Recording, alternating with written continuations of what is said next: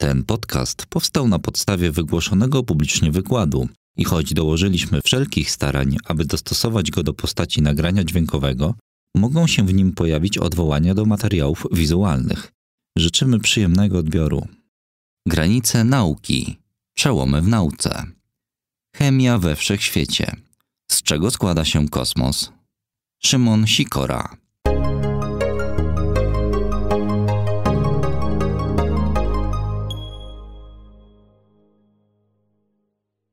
Dobry wieczór Państwu. Muszę powiedzieć, że bardzo się cieszę, że mogę wygłosić ten wykład też po wykładzie dotyczącym e, chemii kwantowej, chociaż kolega już częściowo dał odpowiedź na to pytanie, które postawiłem tutaj w tytule.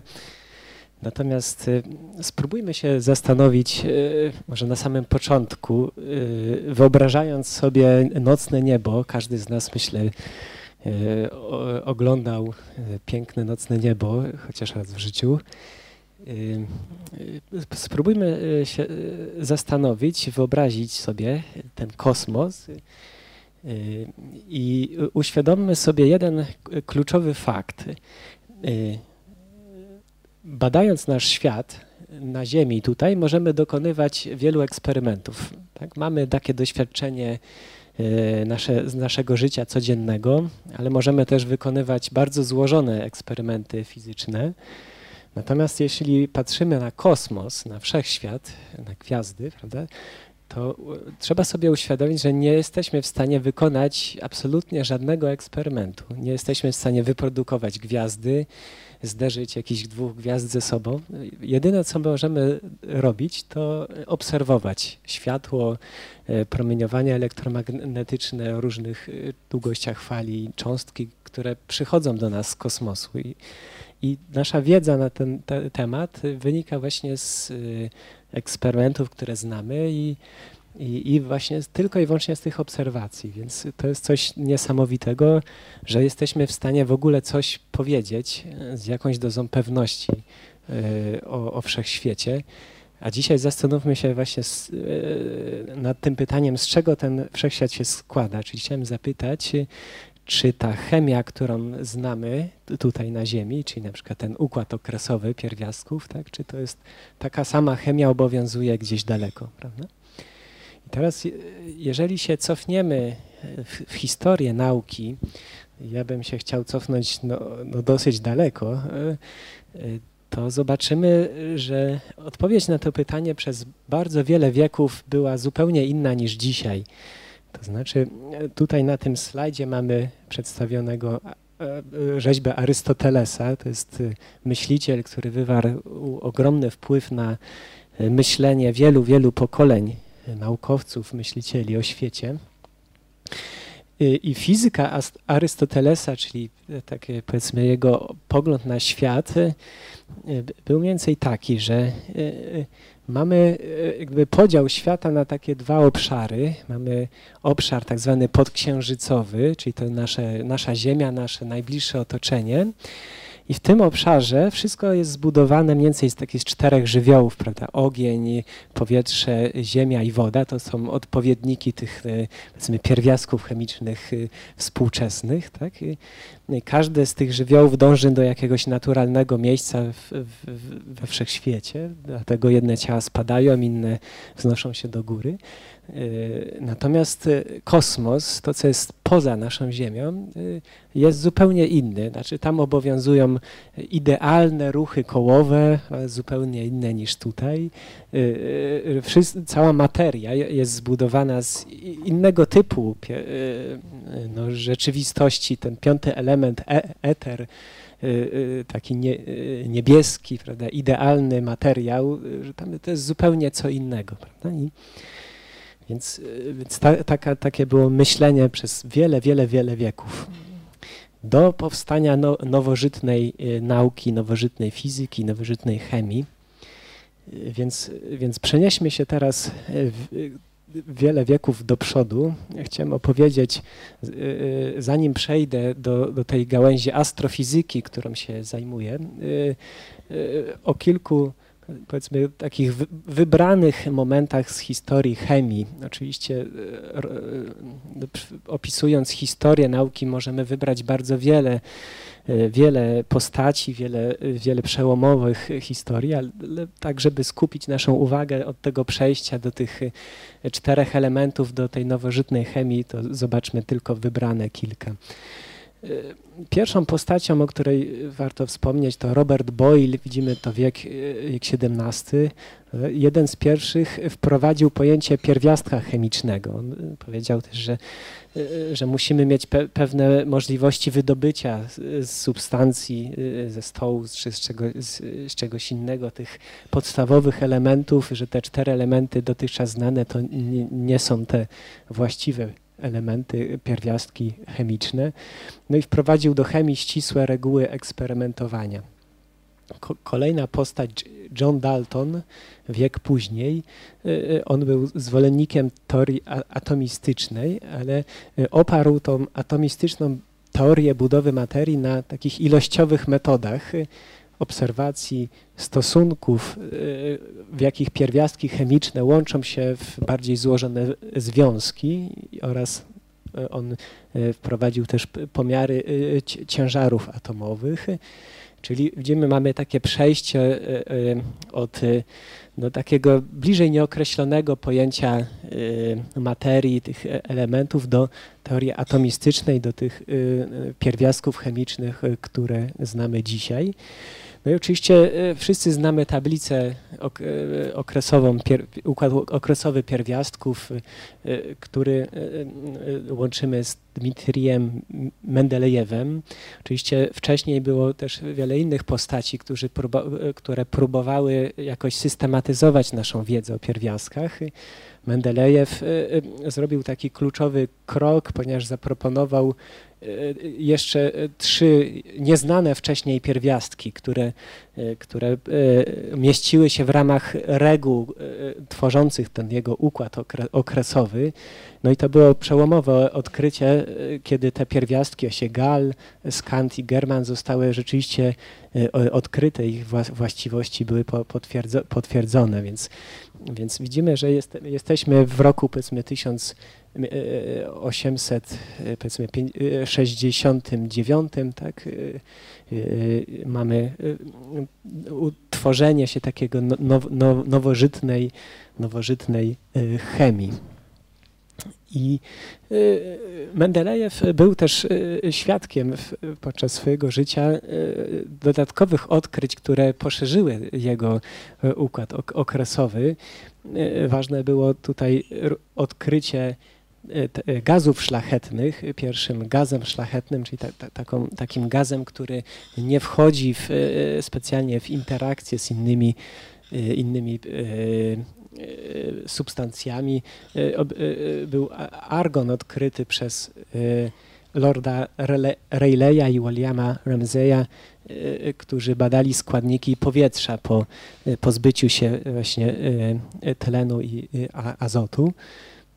I, I, ja wspominam o tych gazach szlachetnych, dlatego że teraz chciałbym przejść do, do astronomii, do, do tego, o czym chcę rzeczywiście powiedzieć. I wydaje mi się, że kluczowym e, momentem w historii, który e, zmienił nasze patrzenie na ten e, problem, czy wszechświat jest złożony z takich samych elementów, jak tutaj nasze otoczenie na Ziemi, czy z innych, było odkrycie kolejnego gazu szlachetnego, helu, które było no, bardzo wyjątkowym y, odkryciem. Żeby zrozumieć, jak to się stało, właśnie mogę się teraz powołać na, na wykład, który Państwo słyszeli wcześniej. Wiemy, że każdy pierwiastek chemiczny ma taki odcisk palca, swoją charakterystyczną cechę związaną właśnie z widmem, czyli światłem, które ten e, pierwiastek może emitować, jeśli jest wzbudzony. Tak, dzisiaj wiemy, tak jak tutaj kolega nam opowiedział, że to jest związane ze strukturą elektronową atomów. Przed powstaniem mechaniki kwantowej to nie było dobrze wiadome. Natomiast y, y, takie obserwacje świecących y, gazów, świecących jakichś pierwiastków no już się pojawiały i tutaj proszę zwrócić uwagę, mamy przykład takiego widma, to jest widmo Helu, czyli na tej osi mamy E, długość fali w nanometrach, e, tak? każdej długości fali odpowiada jeden kolor, prawda? I, I te linie, które tutaj są widoczne, e, tak? odpowiadają właśnie długości światła, które jest emitowane przy przejściach między odpowiednimi poziomami energetycznymi w tym helu. I tego typu widma no już się pojawiały w historii, były, były e, mierzone, natomiast ci dwaj panowie, Pierre Jans, Jansen i Norman Lockyer, e, zaobserwowali to nowe widmo, nieznane jeszcze wcześniej, podczas e, całkowitego za, zaćmienia Słońca. Tutaj mamy zdjęcie Słońca wykonane przez satelitę SOHO, e, współczesne zdjęcie. E, tutaj jest e, ten okrąg widoczny tutaj, to jest za, zakryty fragment zdjęcia przez aparaturę, natomiast podczas zaćmienia Słońca, no my, my byśmy mieli tutaj mniej więcej księżyc, prawda, który przesłaniałby światło. Tutaj dla ustalenia uwagi widać wklejoną znowu na tą fotografię tarczę słoneczną, żeby sobie wyobrazić, jak to słońce wygląda. Tak? I tutaj mamy tak zwane protuberancje, czyli takie wyrzuty materii y, ze, ze słońca. I właśnie w, y, y, w widmie tych protuberancji ci panowie zaobserwowali nowe, nowe widmo, nieznane wcześniej, czyli stwierdzili, że w takim razie widzimy jakiś pierwiastek nieznany wcześniej na Ziemi. Hel, na nazwa pochodzi od Helios, słońce, prawda? Natomiast no, co się stało później? 1895 rok William Ramsey y, zaobserwował dokładnie to samo widmo, y, zidentyfikował linię Helu, konkretnie chodziło o tą żółtą linię tutaj się znajdującą, w widmie gazów uwalnianych podczas prażenia minerałów. To jest jakaś y, taka, powiedzmy, jakby to określić, eksperyment polegający na pewnym rozgrzewaniu minerałów, podczas którego uwalniają się z, niego gazy. Właśnie w tych gazach zaobserwował tą linię. Czyli proszę zobaczyć, mamy, mamy pierwiastek, który występuje na Słońcu, odkryliśmy go i teraz widać, że on jest w, w, konkretnie w minerałach, w jakimś konkretnym materiale, który mamy tutaj dostępny na, zie na Ziemi, prawda? Czyli, y, czyli widać, że, że w tym momencie, jak już tak patrząc ze współczesnej perspektywy, możemy powiedzieć, że y, ta, ten pomysł Arystotelesa i, i, i wielu, wielu uczonych y, y, we wcześniejszych wiekach, od, y, którzy sądzili, że tam gdzieś w niebiosach prawda, jest jakiś zupełnie inny rodzaj substancji, no, został, upada eksperymentalnie, ponieważ obserwujemy dokładnie te pierwiastki Y, które y, y, są dostępne w laboratorium, obserwujemy we wszechświecie i, i rzeczywiście ta metoda spektroskopii, czyli właśnie wy, wykonywania tak, takiej analizy tych linii widmowych daje nam informację o tym, ja, jakie substancje chemiczne znajdują się we wszechświecie w tych obiektach astronomicznych, które obecnie obserwujemy. Ale y, jak to bywa też w wielu dziedzinach nauki, jak mamy jakieś odkrycie y, przełomowe, zaczynamy coś rozumieć, pojawiają się też czasami jakieś nowe zagadki. I tak, tak było również w tym przypadku. Y, otóż oprócz Helu no, zostały odkryte nowe linie właśnie, czyli nowe takie odciski palców, nieznane wcześniej, których nie mieliśmy, o których nie mieliśmy pojęcia. Jedne takie linie zostały również y, odkryte y, w otoczeniu Słońca, tak zwane w, w koronie Słońca. Tutaj jest zdjęcie całkowitego zaćmienia Słońca I tu widać, że jest taka poświata, która ma też taki zielonkawy kolor tutaj na, na zewnątrz. Ten obszar nazywa się koroną Słońca, koroną słoneczną. I właśnie tutaj zostały odkryte linie, które nie były znane wcześniej, były no i hipoteza. No w takim razie odkryliśmy hel, to widocznie są, istnieją też nowe pierwiastki, które, których nie znamy. To jest był hipoteza, że to jest nowy pierwiastek koronium od tego obszaru y, korony słonecznej. Tutaj drugie zdjęcie to jest y, zdjęcie mgławicy planetarnej od angielski termin nebula, tak? Stąd y, tutaj pojawia się nebulium. Y, y, drugi hipotetyczny pierwiastek, chociaż nie, nie, wiem, czy to jest jeszcze z łaciny, nie, trudno mi jest, nie pamiętam tego, czy nebula do końca, ale w każdym razie mgławice, obiekty znane, znane astronomom, i, I, również mierzyliśmy widmo tych, tych obiektów. Tutaj widać takie niebies, takie zielonkawe fragmenty na brzegu takiej mgławicy i znowu e, linie, których nie znaliśmy, nebulium.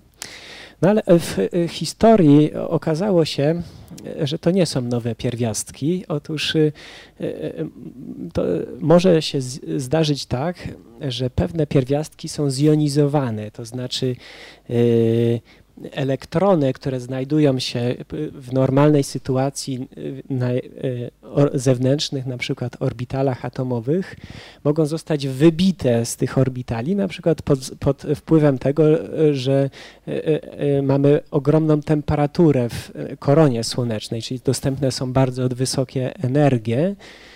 No i takie pierwiastki zjonizowane mają inną strukturę widmową i y, y, ta postać Berg Endlin wyjaśnił linie widmowe w koronie słoneczne, wyjaśnił to, że one mogą pochodzić od wielokrotnie zjonizowanego żelaza. Natomiast Ira Bowen wyjaśnił przypadek nebulium jako przypadek pierwiastka tlenu, który jest zjonizowany. Dzisiaj wiemy, że Y, ten, ta mgławica planetarna to jest pozostałość po wybuchu gwiazdy, w związku z tym no tutaj mamy y, y, tak zwane fale uderzeniowe, prawda? materia, która się rozchodzi w ośrodku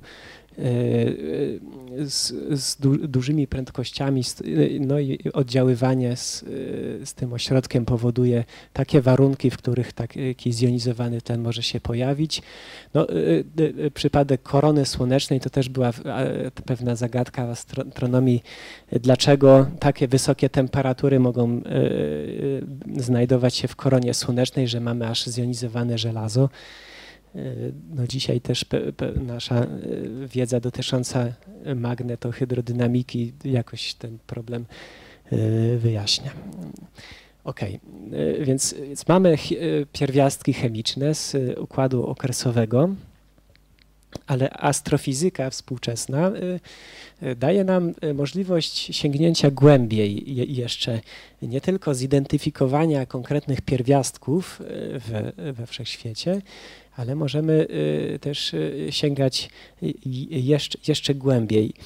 Y, no pierwsze, pierwsze pytanie takie, z czego składa się Słońce? I, I może drugie, którego nie ma tutaj napisanego, co jest źródłem energii Słońca, czyli dlaczego Słońce świeci? Otóż y, y, no, pytanie, z czego składa się Słońce? No, y, wszystkie te linie widmowe, które, o których mówiłem do tej pory, dotyczą obszarów zewnętrznych Słońca, czyli od, od fotosfery poprzez właśnie chromosferę, koronę i tak dalej.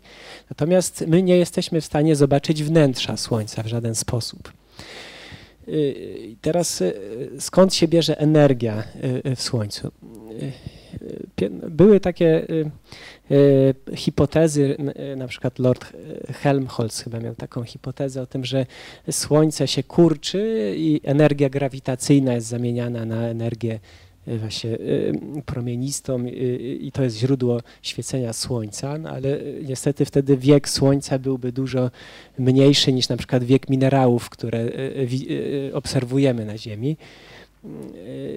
A dzisiaj wiemy, e, również dzięki temu, tej osobie, że źródłem energii Słońca są reakcje termojądrowe we wnętrzu Słońca.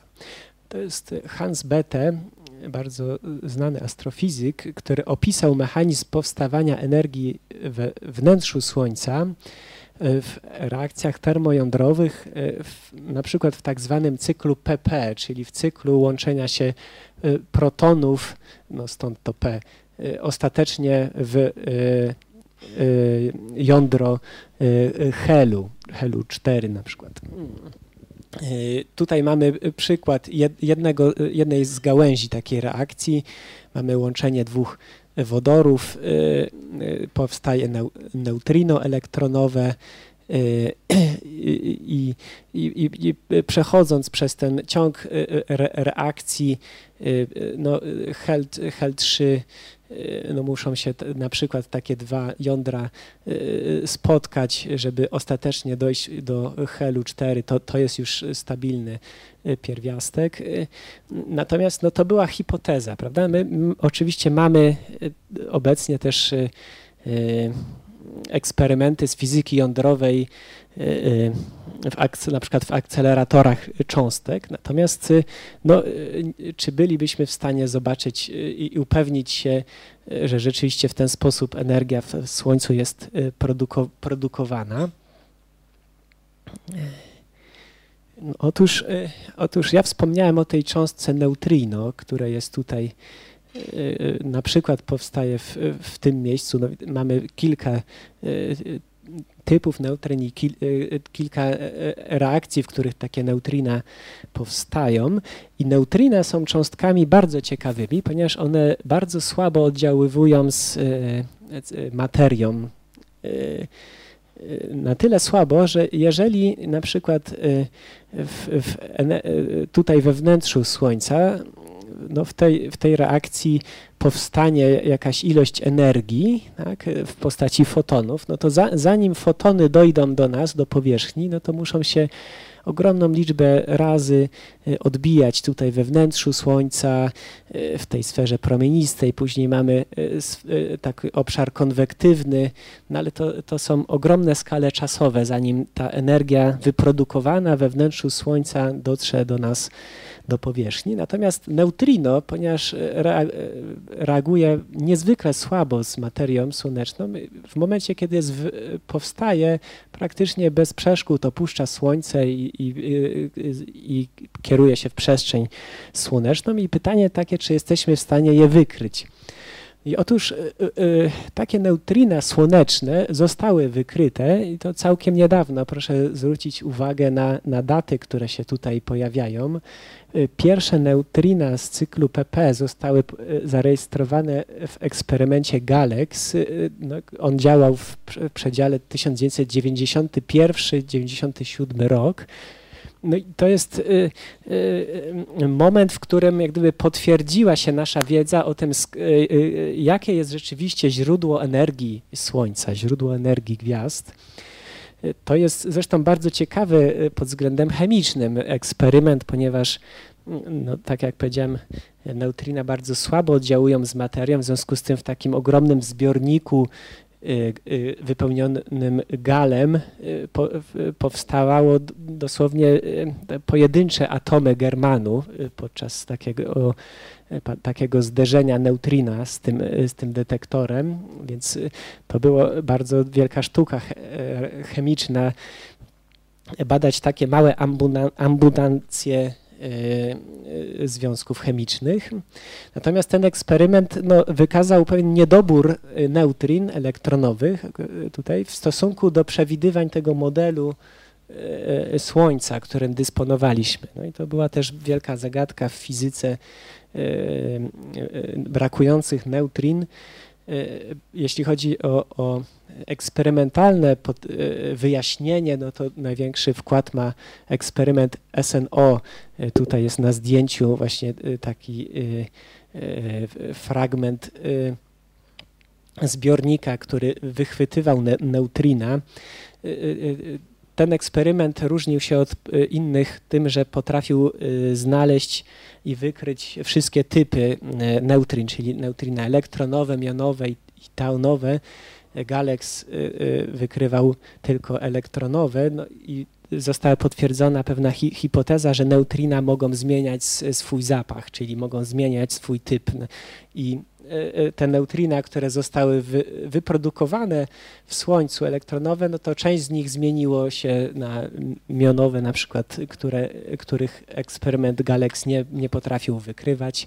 I, I można powiedzieć, no dopiero powiedzmy e, przełom tysiącleci, y, no tak ostatecznie można powiedzieć, y, jesteśmy pewni skąd pochodzi y, energia w, w Słońcu i zagadka oscylacji tak zwanych neutrin.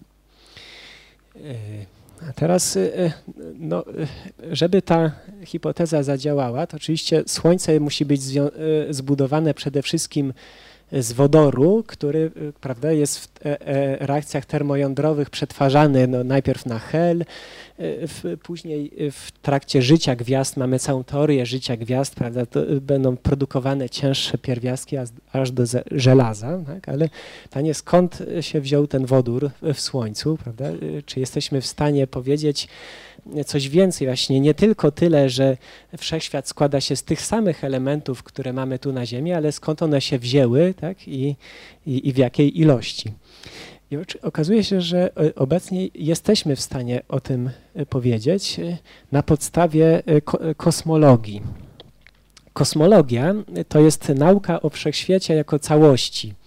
Czyli y, y, nie, nie rozpatrujemy prawda, tylko gwiazd, galaktyk jako takich y, elementów wrzuconych nie wiem, do jakiegoś worka jako takie zupełnie niezwiązane ze sobą rzeczy, tylko traktujemy cały wszechświat jako jeden obiekt fizyczny, który możemy badać. Możemy to robić dzięki ogólnej teorii względności Einsteina, czyli opisywać czasoprzestrzeń naszego wszechświata właśnie w terminach tej teorii.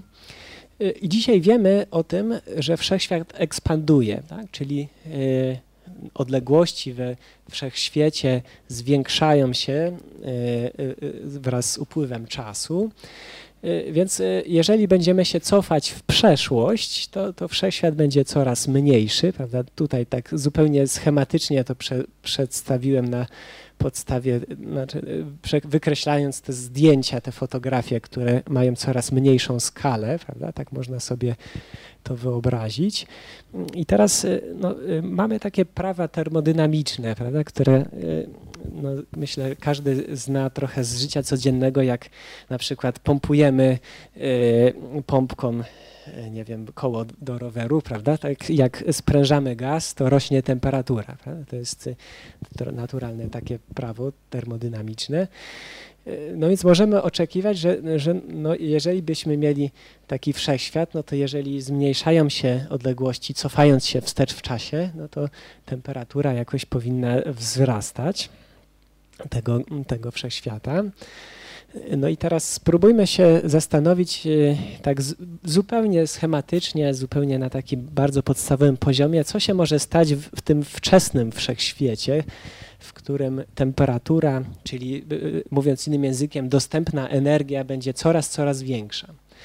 Prawda? Teraz e, no, powiedzmy, to jest bardzo uproszczony schemat atomu.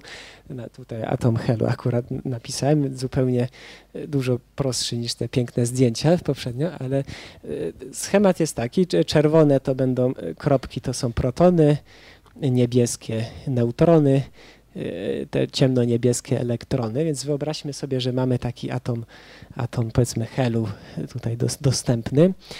I teraz wiemy, że mamy te poziomy energetyczne, prawda? Czyli, czyli te elektrony, zupełnie schematycznie tu jako te punkty zaznaczone, one mają jakąś energię wiązania, związaną właśnie z tym poziomem energetycznym, na którym się znajdują.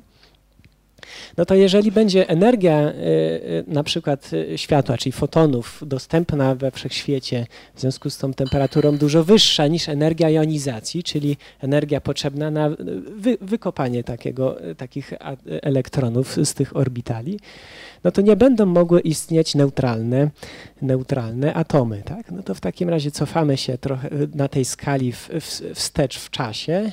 No i tutaj e, e, powiedzmy, że ten niebieski kolor będzie nam obrazował tak e, wzrost temperatury, gęstości. No i mamy już zjonizowane atomy, ale no znowu pro, protony i neutrony to są cząstki złożone. Też mamy pewne a, znaczy też mamy pewne energię wiązania tych, tych jąder atomowych, no i znowu jeśli, jeśli energia będzie dużo wyższa, no to nie będą mogły istnieć jądra atomowe, będą, będą te, te cząstki musiały być rozdzielone, prawda? No i cofając się jeszcze wstecz, możemy oczekiwać, że, że właśnie te protony, neutrony jako cząstki złożone również będą musiały być rozłożone na na, na y, kwarki, które je y, y, tworzą. No ale teraz, teraz możemy się zapytać, idąc w, w drugą stronę, od te, tej najbardziej gorącej części wszechświata, jeszcze powiedzmy, że oczywiście idąc całkiem wstecz w czasie dojdziemy do wielkiego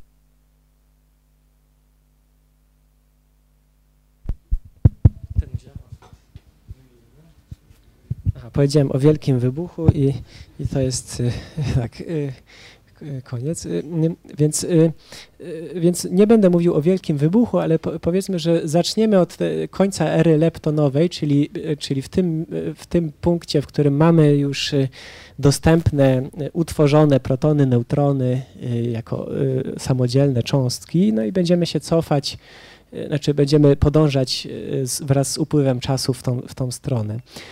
Y, no, kiedy energia spada, no, y, musimy zainwestować bardzo dużo wiedzy i z fizyki cząstek, y, no na przykład to, że, że neutron swobodny jest, nie jest cząstką stabilną, prawda? On się rozpadnie na proton po, pe, po pewnym czasie. No i musimy zainwestować wiedzę o tym, jak zmienia się temperatura w czasie. No i to jest związane z modelem kosmologicznym, który, e, e, e, który tworzymy w oparciu o teorię Einsteina. Jest to informacja mamy z kosmologii. No możemy przewidzieć, jaki będzie na przykład stosunek protonów do neutronów, czyli jakie mamy dostępne elementy jak gdyby na rynku, prawda, w, w danej chwili czas, czasu. No i dokładnie kiedy zostaną utworzone pierwsze atomy, no, pierwsze jądra atomowe, bo to nie są jeszcze neutralne atomy, czyli te jądra atomowe. I to, y, y, to przewidywanie, ten rachunek, to jest tak zwana teoria pierwotnej nukleosyntezy, czyli tworzenia się pierwiastków i ona podaje nam konkretne liczby że w tym momencie, mniej więcej na tej skali, no wszechświat powinien się składać z około 70% masy zawartej w, w pierwiastku wodoru i około 25% helu i zupełnie znikomej ilości cięższych pierwiastków. A, skąd wiemy o tym, że, że ta teoria jest y, prawdziwa? No, z, z, dwóch źródeł. Po pierwsze z, ze spektroskopii, to znaczy rzeczywiście potrafimy e, tą metodą badania widm atomowych, o której powiedziałem, e, mierzyć skład chemiczny różnych obiektów we wszechświecie, na przykład takich obłoków dalekich, z których składa, składa się na przykład nasza galaktyka czy, czy inne obiekty astronomiczne. Możemy mierzyć skład chemiczny takich takich y, obiektów y, i to przewidywanie y, również potwierdzać. A drugim ważnym momentem jest obserwacja tak zwanego mikrofalowego promieniowania tła, które jest zaznaczone tutaj. To jest moment jeszcze późniejszy w historii wszechświata, mniej więcej w tym momencie. Otóż gdy temperatura spada na tyle, że energia y, jest y, mniejsza niż energia jonizacji atomów, atomy mogą wychwycić elektrony i stać neutralne, to powoduje, że one przestają oddziaływać z promieniowaniem elektromagnetycznym, ze światłem wypełniającym wszechświat w procesie Thomsona. Y, no i ponieważ y, to promieniowanie przestaje być zaburzane gdyby przez, przez rozkład materii, no wędruje już przez wszechświat swobodnie, no i do nas dociera już y, w takiej formie, którą możemy tutaj zaobserwować. Badania tego promieniowania są niezwykle ważne dla kosmologii z wielu przyczyn.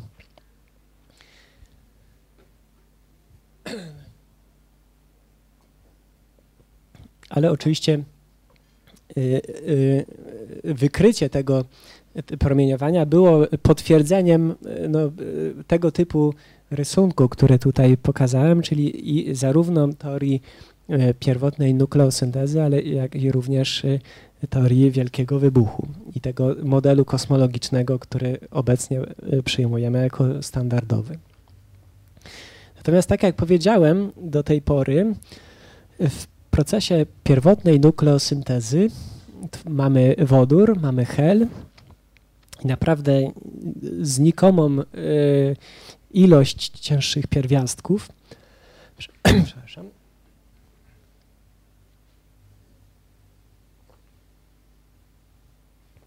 Więc pytanie jest takie, czy jesteśmy w stanie wskazać pewne y, astrofizyczne procesy, w których cięższe pierwiastki są produkowane. No i mamy mniej więcej trzy takie źródła. E, otóż pierwsze e, źródło produkcji cięższych pierwiastków to jest synteza termojądrowa w gwiazdach. Tak jak w naszym e, Słońcu, prawda, w, w jego wnętrzu produkowane są cięższe pierwiastki w, w procesach termojądrowych, i w trakcie życia gwiazd jesteśmy w stanie wyprodukować wszystkie pierwiastki aż do żelaza z tego powodu, że aby wyprodukować e, cięższy pierwiastek poprzez fuzję jądrową, czyli połączenie dwóch lżejszych, utrzymujemy zysk energetyczny aż do, do żelaza. Powyżej e, żelaza, czyli dla cięższych pierwiastków niż żelazo, Zysk energetyczny bierze się z rozpadu y, pierwiastka pewnego na dwa lub więcej lżejszych. Prawda? Tak działają nasze elektrownie jądrowe. Y, więc fuzja, która działa w gwiazdach, daje nam możliwość produkcji aż do żelaza. Natomiast cięższe pierwiastki, no mamy kilka takich y, modeli, które mogą wyjaśniać pochodzenie cięższych pierwiastków. Pierwsze jest takie, kiedy gwiazdy tego typu jak Słońca się kończą swoje życie. E, i nie, nie jest produkowana energia, no i w dosyć złożonych procesach następuje zapadnięcie się takiej gwiazdy e, i odbicie od tego jądra żelaznego, które jest w środku, to jest tak zwany wybuch e, gwiazdy supernowej. Tam produkowana jest na tyle duża energia, która wystarcza do tego, żeby utworzyć cięższe pierwiastki. No i właśnie takie mgławice, na przykład, które tu, tu pokazałem, y, to są y, obszary będące efektem wybuchu takiej, takiej gwiazdy. Badając spektroskopowo, jesteśmy w stanie coś o tych obiektach powiedzieć. A ostatnio pojawiło się jeszcze jedno źródło e, cięższych pierwiastków, czyli taki mechanizm produkcji cięższych pierwiastków w zdarzeniu, którym jest zderzenie się dwóch gwiazd neutronowych. E, to jest tak zwana kilonowa, czyli trochę słabsze zjawisko niż supernowa. To jest e, wizja artystyczna tej, tego zdarzenia. Natomiast y, y, ważne jest to z tego punktu widzenia, że w takim zderzeniu oprócz produkcji cięższych pierwiastków powinna być produkowana fala grawitacyjna, a dysponujemy obecnie detektorami fal grawitacyjnych, które twierdzą, że widzą tego typu sygnały no, dosłownie w ostatnich latach, więc jesteśmy świadkami pierwszych detekcji, które Y, sugerują, że rzeczywiście takie zjawiska y, mają miejsce we wszechświecie i, i dają nam możliwość produkcji pierwiastków. Czyli podsumowując, y, no dzisiaj patrząc w niebo, ponieważ wykonujemy eksperymenty na Ziemi i mamy już pewną wiedzę fizyczną dotyczącą no chociażby mechaniki kwantowej, czyli właśnie wiemy jaka jest matematyczna struktura materii, możemy te eksperymenty przenieść na